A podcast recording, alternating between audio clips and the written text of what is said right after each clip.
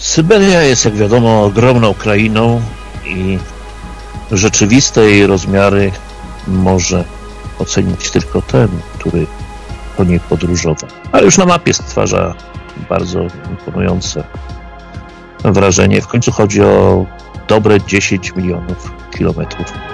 E, naturalnie obszar Syberii nie jest jednolity, jest zróżnicowany, co innego daleka północ, czy też daleki wschód, a co innego krainy znajdujące się na południu tej bardzo rozległej przestrzeni. Jest ich kilka i różnią się od siebie charakterem, mimo że generalnie południe Syberii porasta przede wszystkim tajga. Nie mówię oczywiście tutaj o śladach działalności człowieka. Tych regionów Syberii jest dość sporo i same już ich nazwy mogą rozpalać wyobraźnię. Szoria, Urianhaj, Dauria, Autaj, Urman.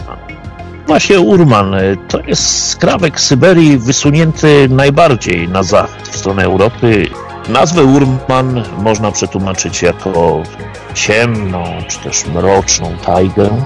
I, I, rzeczywiście kraina ta ciągnąca się na północ od szosy biegnącej z Omska do Nowosybirska, a jest to dystans blisko tysiąca kilometrów. Istotnie wygląda do odpychająco. Porastają przeważnie ogromne jodły, można zauważyć też charakterystyczne stożki, sos, sosen syberyjski, nazywany na Syberii cedrami.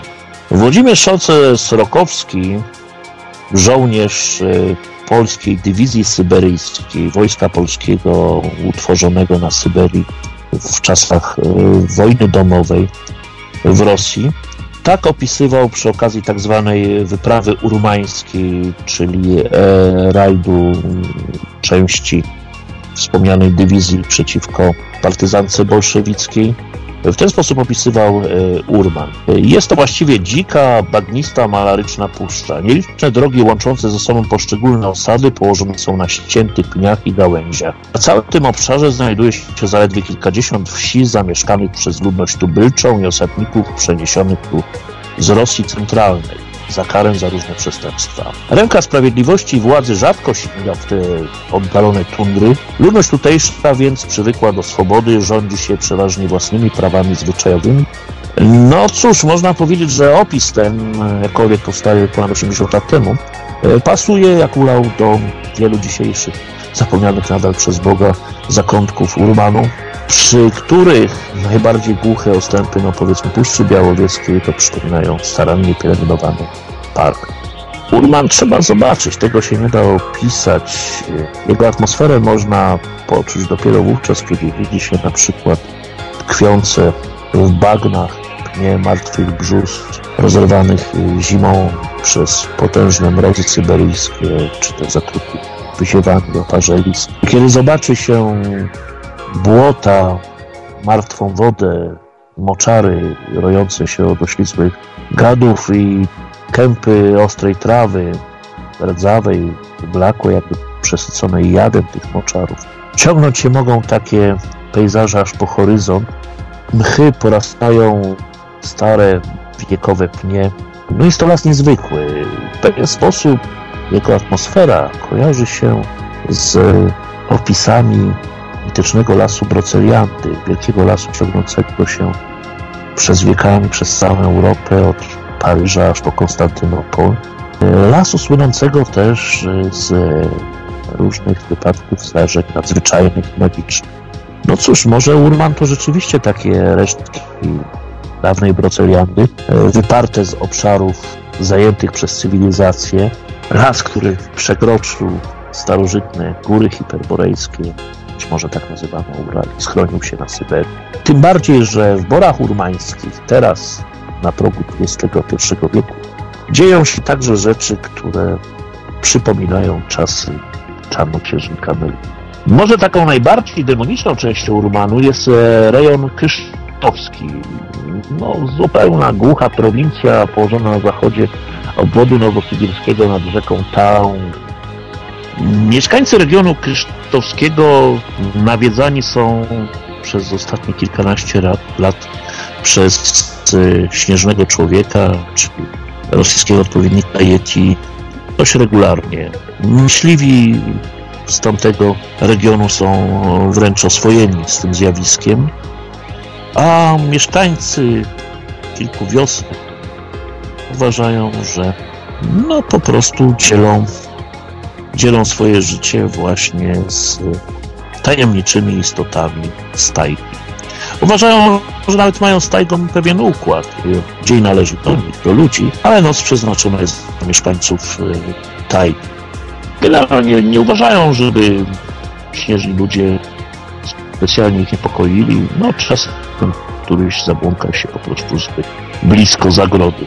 Wiosną 2004 roku Włochate stwory widywały dzieci z rejonu Krysztowskiego, y, potem także dorośli. Obszar, na których pojawia się syberyjski Yeti jest doznaczny, jest to kwadrat około 60 km na 50 i w tym rejonie myśliwi wielokrotnie napotykali legowiska, które no, z pewnością nie mogły służyć ludziom, ale nie były także schronem zwierząt.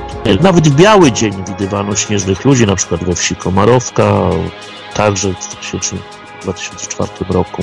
Na tym obszarze właśnie nad rzeką Tarą istnieje również miejsce nazywane Przeklętą Wsią i jest to rejon ściśle strzeżony jeszcze do dziś przez wojsko, chociaż poligon funkcjonujący tam właśnie za bagnami wasiugańskimi istniał tam już ponad 30 lat temu. Wyszczeliwano z niego dziwne obiekty latające. Mieszkańcy Urmanu widywali je na niebie. Innym ciekawym zjawiskiem występującym w Urmanie jest pojawianie się na drogach, ale nie tylko na drogach, na uroczyskach tej krainy, masowe pojawianie się, mógłbym powiedzieć, włóczęgów syberyjskich. No, tradycyjna postać syberyjskiego bradiagi jest utrwalona nawet w rosyjskich pieśniach i balladach, ale to, co dzieje się z nimi w Urmanie, to rzeczywiście może zastanawiać. Dość często bowiem przy drodze byłem świadkiem czy czterokrotnie takiego zjawiska przy właśnie tej szosie z Omska do Nowosybirska, biegnącej prosto z zachodu na wschód.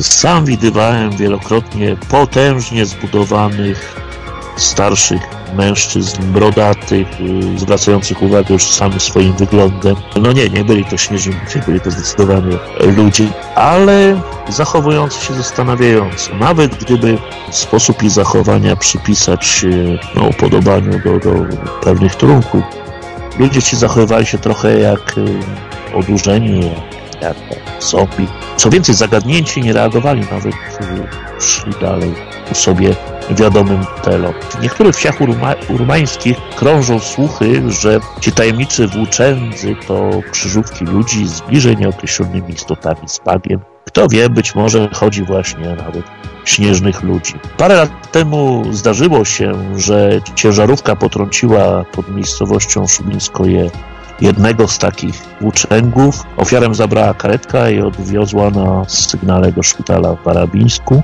ale nie dotarła do celu.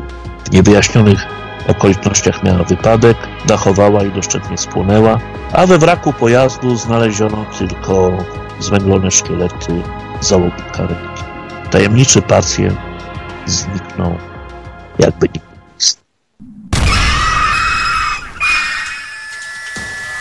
Produkcja i realizacja. Portal Infra. Www.infra.org.pl